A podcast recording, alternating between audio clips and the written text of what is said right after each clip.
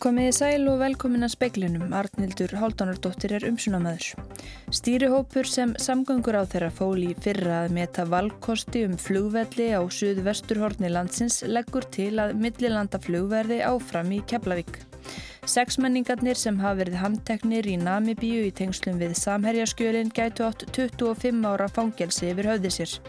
Norska efnagasbrota lauruglan hófi í dag formlega rannsókn á DNB-bankanum. Rannsókn er því hafin í þremur löndum. Mikill skortur er á geðalæknum við sjúkrahúsið og akureyri. Framkvæmdastjóri hefur áhyggjur af stöðunni. Orkuveitan hyggst reysa tvær vindmilur við lagarfossvirkjun á úthjaraði og var svo kulluð deiliskipulags lýsing kynnt í dag. Hungursneið af mannavöldum er yfirvofandi í Zimbabwe. Þessu veldur meðal annars óðaverbólka sem gerða verkum að fólk á ekki fyrir mat. Stýrihópur sem samgöngur á þeirra fóli í fyrra að meta valkosti um flugvelli á suðvesturhorni landsins leggur til að millilanda flugverði áfram í Keflavík. Niðurstaðan var kynnt nú síðdegis að loknum rannsóknum í Kvassarhaunni sem gætu tekið tvö ár verði tekin ákvörðun um hvort þar verði lagður innanlandsflugvöllur. Sá völlur myndi einni gegna hlutverki varaflugvallar, auk þess sem þar færi fram kennslu og æfingaflug. Sigurður Ingi Jóhansson, samgöngur á þeirra, er sammála niðurstuðu hópsins. Já, ég get ekki verið annað. Þetta er fagmenn á sínu sviði og búin að kortlækja þetta mjög vel. Og spurningin sem við lögum að stað með Áskorunin var svo að það voru hér uppi rættur um að það væri skynsanlegt og jafnvel 2% aukinn hafástur að hætta við allt saman í keflavík og hefja uppbyggingu í kvarsarinni. Hér eru mjög skýra niðurstöður um að það sé ekki skynsanlegt þegar menn bera saman eppli og eppli. Það gæti orðið býð á því að uh, flugvöldurum flíti úr Vasmír. Já, eins og við segjum, slíka ákvörðum verður ekki, tek, ekki tekinn fyrir en eftir tvö ár og við höfum raðað upp verkefnum til þess að spara tíma ef að veðfarsrástafanir og flugprófanir og, og vassvendarmál ef að þau öll koma jákvægt út á þessum tíma þá erum líka búin að gera fleiri þætti á þeim tíma og þá er hægt að taka næsta skref sem við áætlum líka að taka í tvö ár. Frumdraug á ungverðismati, frumdraug á hönnun áður en þú tekur þessa stóra ákvörðun af því þetta er mjög stór ákvörðun Þetta var Sigurður Ingi Jóhansson, nánar verður fjallaði um málið síðar í speklinu. Seksmenningarnir sem hafa verið handteknir í Namibíu í tengslum við samherjaskjölin eiga yfir höfði sér ákærur vegna mútuþægni, spillingar, skipularar, glæpastarsemi og fjársvika. Þetta kemur fram í yfirlýsingu sem ACSC spillingar lauruglan í Namibíu sendi frá sér siðdeis. Mennirnir voru leitir fyrir dómara þar í landi í morgun en réttarhöldunum var fresta til morguns svo þeim gæfist færi á að ráðfæra sig við lögmenn sína. Pálus Nóa, yfirmaður ACSC, segir í samtali við fréttastofu að líklegt sé að þeir fari fram á að verða látnir lausir gegn tryggingu. Yeah, our, our law provides for a sentence up to 25 years. It also provides for an option of a, a fine. Nóa segir að sexmenningarnir eigi alltaf 25 ára fangelsi yfir höfði sér auk sekta verði þeir sakveldir. Nánar verður rætt við Nóa í fréttum sjómarsklukkan 7. Efnahagsbrotadeild norsku lauruglunar Ökokrim hefur hafið formlega rannsókn á norska bankanum DNB vegna umfjöllunar fjölmiðla um samherjaskjölin. Þetta kemur fram í yfirlýsingu sem byrtist á VF efnahagsbrotadeildarinnar. Yfirvöldi þremur löndum eru því með samherjaskjölin til rannsóknar. Ólafur Þór Haugsson, hér að saksóknari staðfestir að norska efnahagsbrótadeildin hafi þegar haft samband við ennbættið. Hann segist ekki geta tjáð sig um það hvernig þessum samskiptum sé háttað þar sem lauruglustarf millilandana sé byggt á trösti og trúnaði. Í yfirlýsingu Ökokrím er haft eftir starfandi fórstjóra efnahagsbrótadeildarinnar að markmið hennar sé að komast að því hvað hafi gerst og hvort það varði við hegningarlög. Rannsóknin sé á frumstíi og frekari upplýsingar verði ekki veittar. Yfirlýsing Upplýsingin um rannsóknuna hafi verið sendt út að hafðu samráði við DNB-bankan. Upplýsingafulltrú í bankans segir í yfirlýsingu til norskra fjölmiðla að bankin hafi verið í góðu samstarfi við efnahagsbrótadeildina. Formleg rannsókn gerir bankanum kleift að deila með henni upplýsingum sem annars hefðu notið trúnaðar. Hann minnir jáfnframt á að það sé ekki bankin sem sé grunaður um spillingu og peningaþvætti heldur Íslenskt útgerðafyrirtæki. Freyr Gíja Gunnarsson saði frá. Fórseti Namibíu og Svapó stærsti flokkurinn í landinu hafa tapað verulegu fylgi samkvæmt niðurstöðum kostninga í gær nú þegar um 10% atkvæða hafa verið talin. Búist er við að talningu atkvæða ljúki á morgun. Skortur er á geðalæknum við sjúkrahúsið á Akureyri. Framkvæmdastjóri hefur áhyggjur á stöðunni. Þetta auki álag á allt starfsfólk. Við sjúkrahúsið á Akureyri eru fimm stöður geðalækna. Aðeins tveir eru þó fastrannu hjá sjúkrahúsinu. Alice Harpa Björgvinsdóttir, framkvæmdastjóri livlækningasviðs, segir að þótt erfilega hafi gengið að fá geðalækna til að sita stað á Akureyri, þá hafi þeir komið reglulega í aflesingar síðustu ár, svo mönnun hafi gengið ágætlega. Nú sé staðan önnur og verð gangi að fá geðalækna í aflesingar. Ég hef ágjörð stöðunni. Þetta eigur álag á alla, ekki bara á þá lækna sem eru hér, heldur bara á allt starfsfólk. Og þeir eru ekki trættum að missa þá geðalækna sem eru þá vegna álags? Ég hef alltaf áhugjur af því að hérna, of mikið álag geti fengið menn til að íhuga stöðu sína. En þetta lítur af einhver áhrif á sjúklinga eða ekki? Við reynum náttúrulega að byggja starfu okkur upp á teimisvinnu, þar það ekki á einnig fagsti, en við fáum hausum geðlækna, þá náttúrulega getur sjúklinga lendi því að við erum ekki að hitta sama geðlækning. Grófin geðvendamistöð er á Akureyri. Það er valdi segja Pálsdóttir fórstöðumæður. Hún segist af orði vör við auknar áhyggjur í haust hjá þeim sem þangað sæki þjónustu. Að það bara hefur haft áhyggjur og verið órálegt út af þessu, þessu aðgengi að geðleiknistjónustu. Það sé bara ekki náðu gott aðgengi og geðleiknar sem er að fara einn á milli þeir bara verið ekki endast hér í nema í 1-3 ár. Þannig að þetta er svona óvisa áhyggjur í kringum þetta sko, fyrir fólkið. Þetta var Valdís Eija Pálsdóttir, Úla Árdal tók saman og rætti einni við Alís Hörpu Björgunsdóttur. Hungursneið er yfirvofandi í Zimbabwe að mati sérfræðings saminuðu þjóðana. Yfir sex af hverjum tíu landsmönnum eiga vart til nýfs og skeiðar vegna gríðarlegar verðbólgu. Uppskera bænda er rýr vegna mikill að þurka að undanförnu. Hilal Elver, sérstakur erindreiki saminuðu þjóðana um réttindi til fæðu dvaldi í Zimbabwe í 11 daga fyrir þessum mánuði. Í bráðabyrðaskýrslu sem hún byrti í dag kemur fram að landið sé á barmi hungursneðar af mannavöldum eins og það er orðað. Þar er vísa til þess að stríðsátökum er ekki um að kenna eins og í hinu löndunum þremur þar sem ástandið er svipað. Það er í Jemen, Suður Sútan og Somalíu. Í skýrslunni segir að 5,5 miljónir manna á landsbyðinni séu í alvarlegum vandræðum og 2,2 miljónir í bæjum á borgum, það er riflega 60% þjóðarinnar. Framkemur að barnadauði vegna hungurs hafi aukist að undanförnu. Nýju af hverjum tíu börnum á aldrinum 6 mánada til 2 ára fái ekki þann lámark skamt af mat sem þau þurfi til að vaksa á dapna. Mæður kornabarna séu of hungraðar til að geta gefið þeim brjóst.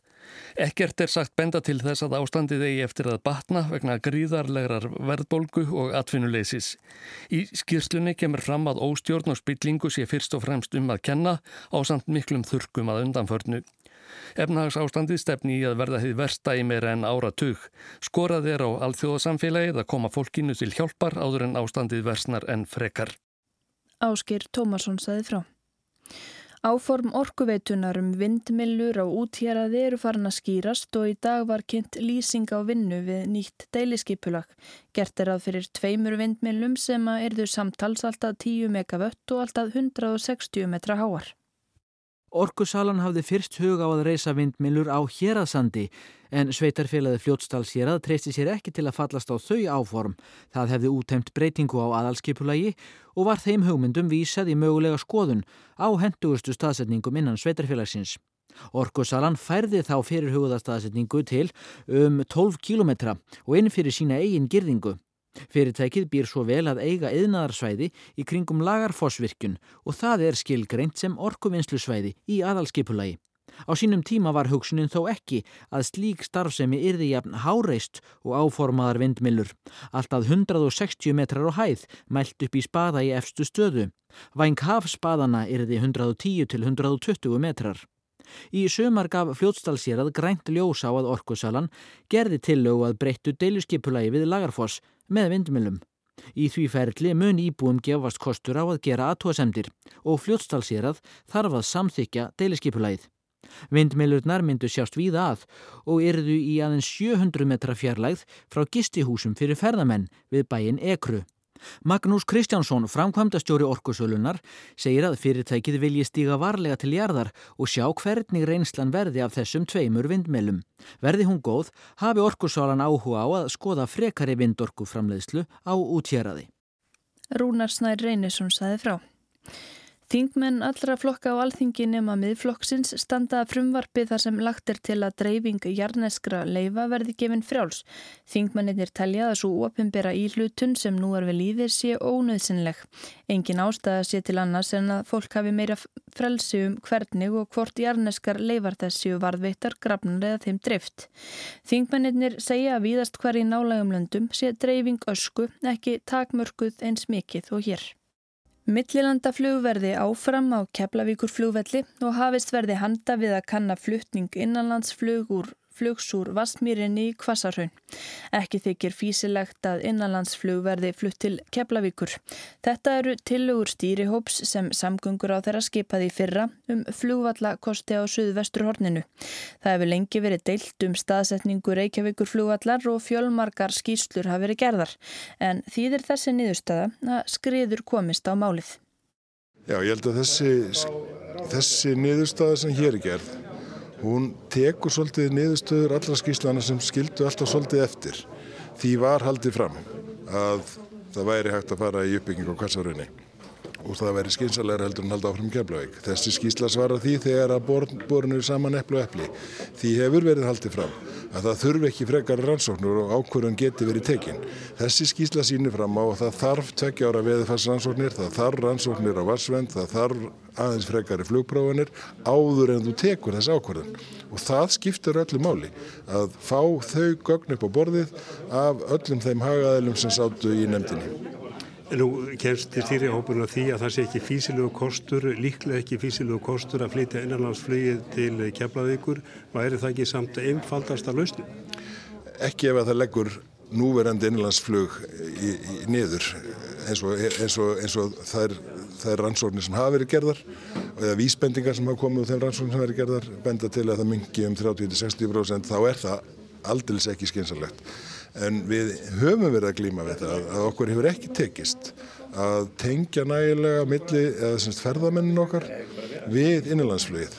Eh, fyrir utan það að, að við erum að taka á því hér og fjalla um það að þá erum við líka því í almenningsstefnu okkar um að tengja betur saman Keflavíkur eða Lefstöð við, við eh, BSI og eina flugstöð í, í Reykjavík á næstu árum þangar til annað er komið sem og eitt verkefni hér er að, er að tryggja hérna samgöngur á milli þá Kvassarhönns og Keflavíkur og þá Kvassarhönns og miðbæjar Reykjavíkur þar sem að stjórnsíslan og heilbríðisstofnöðinir eru. En verður það lest? Í, mér finnst það ólíklegt við þessar aðstæður en, en við höfum allavega tíma til að kanna það til lítar en, en það þarf að kortlega þetta út frá alls konar hlutum þar á meðal sjúkraflíðinu. Þetta var Sigur Ringi Jóhansson, samgöngur á þram áallega er að það myndi kosta minnstakosti 300 miljardar króna að byggja upp bæði allþjóða millilandaflugvell og innanlandsflugvell í Kvassarhaunni.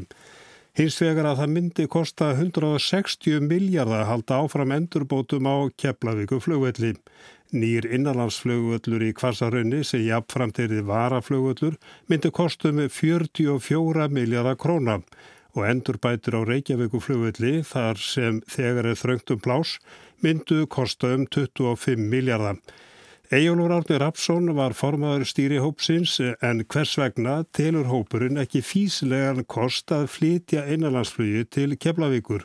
Ef við horfum bara nú aðrandi notendur einlandsflugsins sem er nú fyrst og reynst fólk sem býr hér á landi þá er, ef ég maður rétt, 85% eru bara í einandagjörðum hér á Suðvestur hodnið. Það hefur gerið könnun meðal þessar aðila bara margótt undanfærin tíu ár reglulega og niðurstæðan alltaf svo að ef að, að þeir spurningi sett fram, hann myndi svara 30% í að þau myndi hætta að nota innlandsflugið ef að þau er í flutti kemlaugur. Höfum það í huga að leggurinn sem að flesti ferðast með er akkur í Reykjavík og ferðartíminn ef þetta fer söður úr, hann er bara ekki svo ekki mikill að mismunna því byrjuð bara að keira ef út í það er farið. En þið leggir til að millinandarflöði verði áfram í Keflavík, það verði farið rækili að skoða Kvassarhaun, er það krónur og auðrar sem að ráða þessu? af okkar halvöra krónur öðrar. Þetta kemur aðri, hlutir inn í það síðar en af okkar halvöra krónur öðrar. Þetta er gríðilega dýrt. Það voru sumir að tala um að byggja fullkomin millilanda og innanlandsflugvöld í kvassarunni en það er gríðilega dýrt. Það er þar og þetta er náttúrulega skiptið máli hér að, að hérna, tölur sem hafa verið í kringum þetta hafa verið margar og á reiki en þetta er alltaf spurning á fórsendur og við neldum það niður að við erum náttúrulega sömu fórsendur þannig til þess að meta kostnarnar kvassarunni eins og áallar að kepla geti tekið á móti 2025. Þannig að e, það er nú e, grunn fórsenda fyrir þessari niðurstöðu. En nú er, hefur ótt verið talað um kvassarhund, það eru skiptað skoðanir. Er vannlegt að leggja eða byggja flugveld í kvassarhunni? Það er alltaf verið að tala um að gera rannsóknir, það hefur verið gerað rannsóknir, bendir ekki til þess að þetta sé ákjósanlegur flugvallar staður? Já, það sem gert hefur verið bendir til þess og það þarf að gangu skuggu það. Það er ákveðin þættir sem vantar alfarið inn í þetta sem ég ætla ekki að fara út í, það er of tællilegt eðlis. Og svo þarf náttúrulega að skoða líka bæði skipilagsmál og vassvendamál sögðu frá, þetta er náttúrulega hluti ekki hluti af, þetta er mjög nála þetta er væntalega verður hluti af vassvendarsvæði í Suðunesja og það er bara að horfa á það líka og taka það með í reyningin og skoða þetta alveg í kjölinn. Dagur Bjegjarsson, borgarstjóri og Sigur Ingi Jóhansson, samgöng og sveitarstjórnar á þeirra undurittu í dag þegar skíslan var kynnt Samkólag sem felur í sér að hrinda í framkvæmda verkefnum og náðsynum rannsóknum í samræðum við tilugur í skýslu stýrihópsins um framtíðarskipan flugvallamála á Suðvesturhorni landsins. Degi líst vel á niðurstöður hópsins. Já, hún byggir auðvitað á hérna, fyrri vinnu og bætir við hana. Þarna er stilt upp í raun mati á hvaða flugvallar kerfi þurfi að vera á söðvestarhóttinu bæði alþjóðaflug og þarfir innanlandsflugs en líka þessi varaflugvallar þáttur sem að hefur verið að koma sterkar og sterkar inn í umræðuna eftir því sem flýið yfir og í gegnum landið hefur verið að aukast og það er tekið á öllum þessum þáttum og einróma niðurstaða að horfa til kvassarhunds. Vassmýrin, það hefur kannski verið ljóst með alla þær skýslu sem að gerðar hafa verið að það er ekki alveg í auksín, það er ekki alveg á næstunni sem að hægt verður að byrja að byggja þar. Þetta tekur langan tíma. Þetta tekur tíma en það er mikið komið þegar komin samstaða um það að ef að rannsóknir sína eins og flest bendir til að hvasvarnin sé áleitlegu kostur þá er það orðin sameileg sín ríkis og borgar að e, varaflugvallar hlutverkið, innanlandsflugið, æfingakensla og engaflugið fari í kvassarhund. Og það erðu hugsalegin tímamátt meðan við alla þá umræði sem að undan er gengin. Já, það eru tímamót og tímamótin með, með þessari niðurstöðu er að við borðið sátu þetta líkil hagsmunnaðalar, fulltrúar e, úr flug, fluginu sem aðunur ekstri, líka í Savia, ráðnetið og, og við hjá borginni og síðan hefur verið rætt við fulltrúa söðunisjana sem að hafa ekki komið nægilega mikið að undirbúningi þessara mála undanförnu. Þannig að ég er að vona að þessi mynd sem kemur út úr niðurstöðum nefndarinnar en ekki síður samkómuleginu sem við vorum að undirrita hérna í tengslu við skilnefndarinnar tryggi að það geti myndast miklu breyðari samfélagsleg sátt um þetta ferli sem framöndan er og þá niðurstöðu þess vegna þess að við þurfum á því að halda. Við þekkjum allt og vel ára og ára tuga langt reyfurildi um flugvallamál. Þetta var Dagur B. Eggersson, Arnar Páll Haugsson tók pistilinn saman.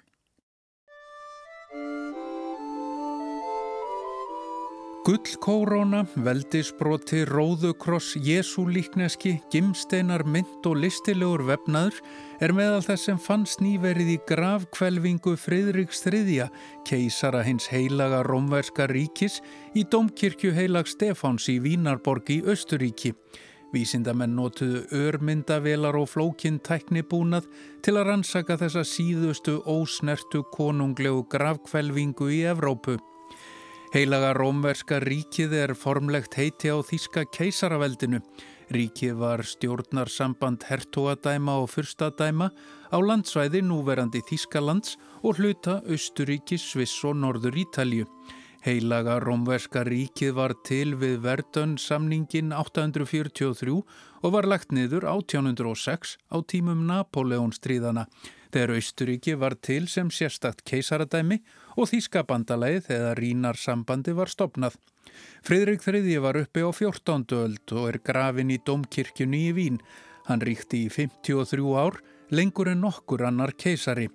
Grafkvelvingin er sérlega glæsileg og fram á þennan dag hefur hún aldrei verið opnuð af óta við að eidilegja þá fjársjóði sem þar kunna að finnast.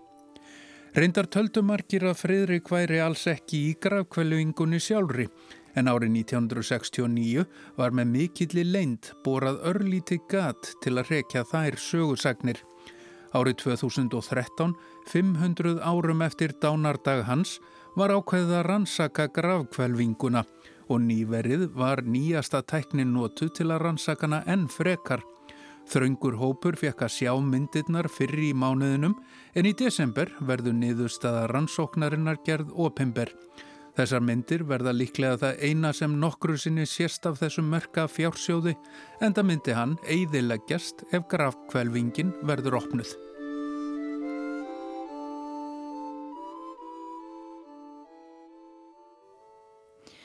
Ívilnunum vegna kaupa á tengiltvinnbílum verður hætt eftir eitt ár sangant frumvarfi fjármálaráþara sem lagt verður fram á alþingi. Verðabæði reyðhjólum og rafhjólum lækkar um áramótin þegar virðisauka skattur af þeim fellur niður. Bílarflotti okkar hefur vaksin okkur rætt á síðustu árum með fjölgunin namum fjórðungi frá 2014 til 2018 þegar að litir á allar gerðir bifriðan vorum 205.000 en í fyrra var flottin komin í 255.000. Á þessu tíumabili voru nýskráðir 80.000 bensín og dísilbílar. Ramags og tengil tvinnbílar voru 8.500 eða 11% af nýskráðum bílum sem ganga einungis fyrir jarðefna elsniti. Í fjarlagafröðumarfinu sem varða lögum í gæri eru bóðar breytingar á einsum ívilnunum sem eigundur rafbíla hafa notið. Þær eru lögfestar í sérstökum frumvarfi fjármálaráðura sem vantarlega verður lagt fram á næstunni og samþygt hefur verið í ríkistjórn. Frumvarpið miður að því að auka svölu hrein orku bifriða, bifriða sem einungis ganga fyrir hreinu orku til dæmis ramagn eða vettni. Af þessum bifriðum hefur ekki verið greitur virðisaukarskattur um verið að ræða bráðabyrða ákvæði sem frá 2012 hefur verið framlengt um eitt ári í senn nú að ákveða gilda til ásloka 2023. Samhafur gildum svo kallaða tengil tvinnbíla sem ganga bæði fyrir jarð, efna elsneiti og ramagni í vilnun um niðurfellingu virðis auka skatt sem fellu niður á slíkum bílum í áslokk 2020. Í greina gerð með draugum af frumarpunu kemur fram að tengil tvinnbílum hafi fjölga ört. Nýju bílar voru seldir 2012 en nú er fjöldin komin í 8000. Hlutfall þessara bíla á nýskráðum bílum í fyrra var 13,5%. Rökin fyrir að hætta að greiða niður virðisugarskatt af tengil tvinnbílum eru að verð þeirra hefur farið lækandi meðal annars vegna ódýrari rafgeima. Þeir séu þess vegna orður vel samkeppnishæfir. Reyndar hafa þessir bílar verið gaggrindir meðal annars í Nóri, drægi þeirra á ramagni sé stutt og raunin sé að þeir aki mikið á jarðefna elsneiti. Nú varandi þak á endugreislu viðarsugaskast er meða við 6 miljónir en verður frá áramótum 6,5 miljónir. Í núgildandi lögum fellur niðugreislan niður þegar seldir að veri 10.000 bílar í hverjum flokki, ramagni, vettni og tengiltvinnbílum til að flýta fyrir orkurskiptum en nú meða við 15.000 hreinorku bíla. Mikilvæg breyting er að nú eiga eigundur biffjóla sem eru krú með rafmagn eða vettni að njóta sömu kjara og raf- og vettnisbílar. Þetta er gert til að auka kaupa á vistvænum biffjólum. Þau eru nokkuð dýr en frá áramótum fellur viðinsaukarskattur af þeim niður. Þá líka auka hjólreiðar með ívilnunum.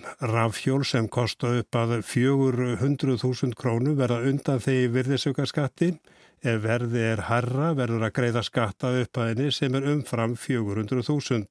Hámars niðurfelling nefnur 96.000 krónum. Hjól sem hefði kostaði 496.000 kostar eftir breytinguna 400.000 krónur. Og þá líka vera kvatið til að kaupa venjuleg hjól í uppaflegum draug var með 100.000 krónur vegna aðdó að senda við draugina frumvarpinum hefur þetta mark verið hækkað í 200.000 krónur. Hjól sem nú kostar 248.000 lækkar eftir áramót í 200.000. Loks eru lagðar til breytingar sem tengjast orkurskiptanum. Nú er heimilt að endur greiða 60% af verðisauka vegna vinnu við uppsetningu hlæðsustöðan fyrir rafbílan í eða við íbúðarhús. Þetta hlutvalla hækkar í 100% frá áramótum og gildir til ásloka 2023. Þetta tengist ekki styrkjum frá sveitarfélum vegna uppsetningar hlæðsustöðan en þó þannig að samalaður styrkur og niðugreisla frá ríkinu far ekki yfir heildar upp að vinnar. Þá er hveð áum í frumvarpinum að virðisukarskattu verið feldu niður af bílalögubílum sem ganga fyrir heitni orkum. Jafnframt verði útlega þeirra undanskilin virðisukarskatti. Ákvað er í frumvarpinum að heimilt verða að fella niður virðisukarskatt af hópverabílum Undir það falla hópu ferðabílar sem knúnur eru ramagni, vettni, metanóli eða metani. Sigurður Friðleifsson er frangandastjóri Orkusettus en áharmar á því að ákvæði frumansins eigi eftir að hafa áhrif. Já, svo sannarlega. Ég, það er mikið verið að tala um að þurfa að gera, að ríkið þurfa að gera miklu meira varandi eh, lofslagsmálinn. En ef við skoðum þetta þá hefur mjög mikið verið gert. Það er sko þessar virðisauka afsláttur af nánast öllum eh, sagt aukutækjum, faratækjum sem eh, geta verulega dreyið úr, úr losun eh, eru komin á og hafa verið og munu vera lengt í. Auk þess eru þarna tillögur um að, að taka virðisaukaskattin af, af eða endugriða virðisaukaskattin af hlæðslustöðum. Þannig að það má nú kannski segja að kannski sé eiginlega sagt komið að okkur, leitendunum, að raun og veru byrja. Má segja ríkið að mörgu leiti en það hefur líka styrt e, uppsetningu hlæðslustöða og hraðhlæðslustöða og, og, og, og svo framvegs. Þannig að kannski er eiginlega komið að okkur neitendum að fara að, að, að byrja. Er raugrétt að hætta niðugreiða tengil tvinnbíla og... E, Tengiltvinnbilarnir eru, hafa verið góð svona milliskref eh, yfir í alorkuskipti, yfir í ramagn. Eh, margir tristu sér ekki í að, að, að fara allar leið í ramagni og maður skilur það vel.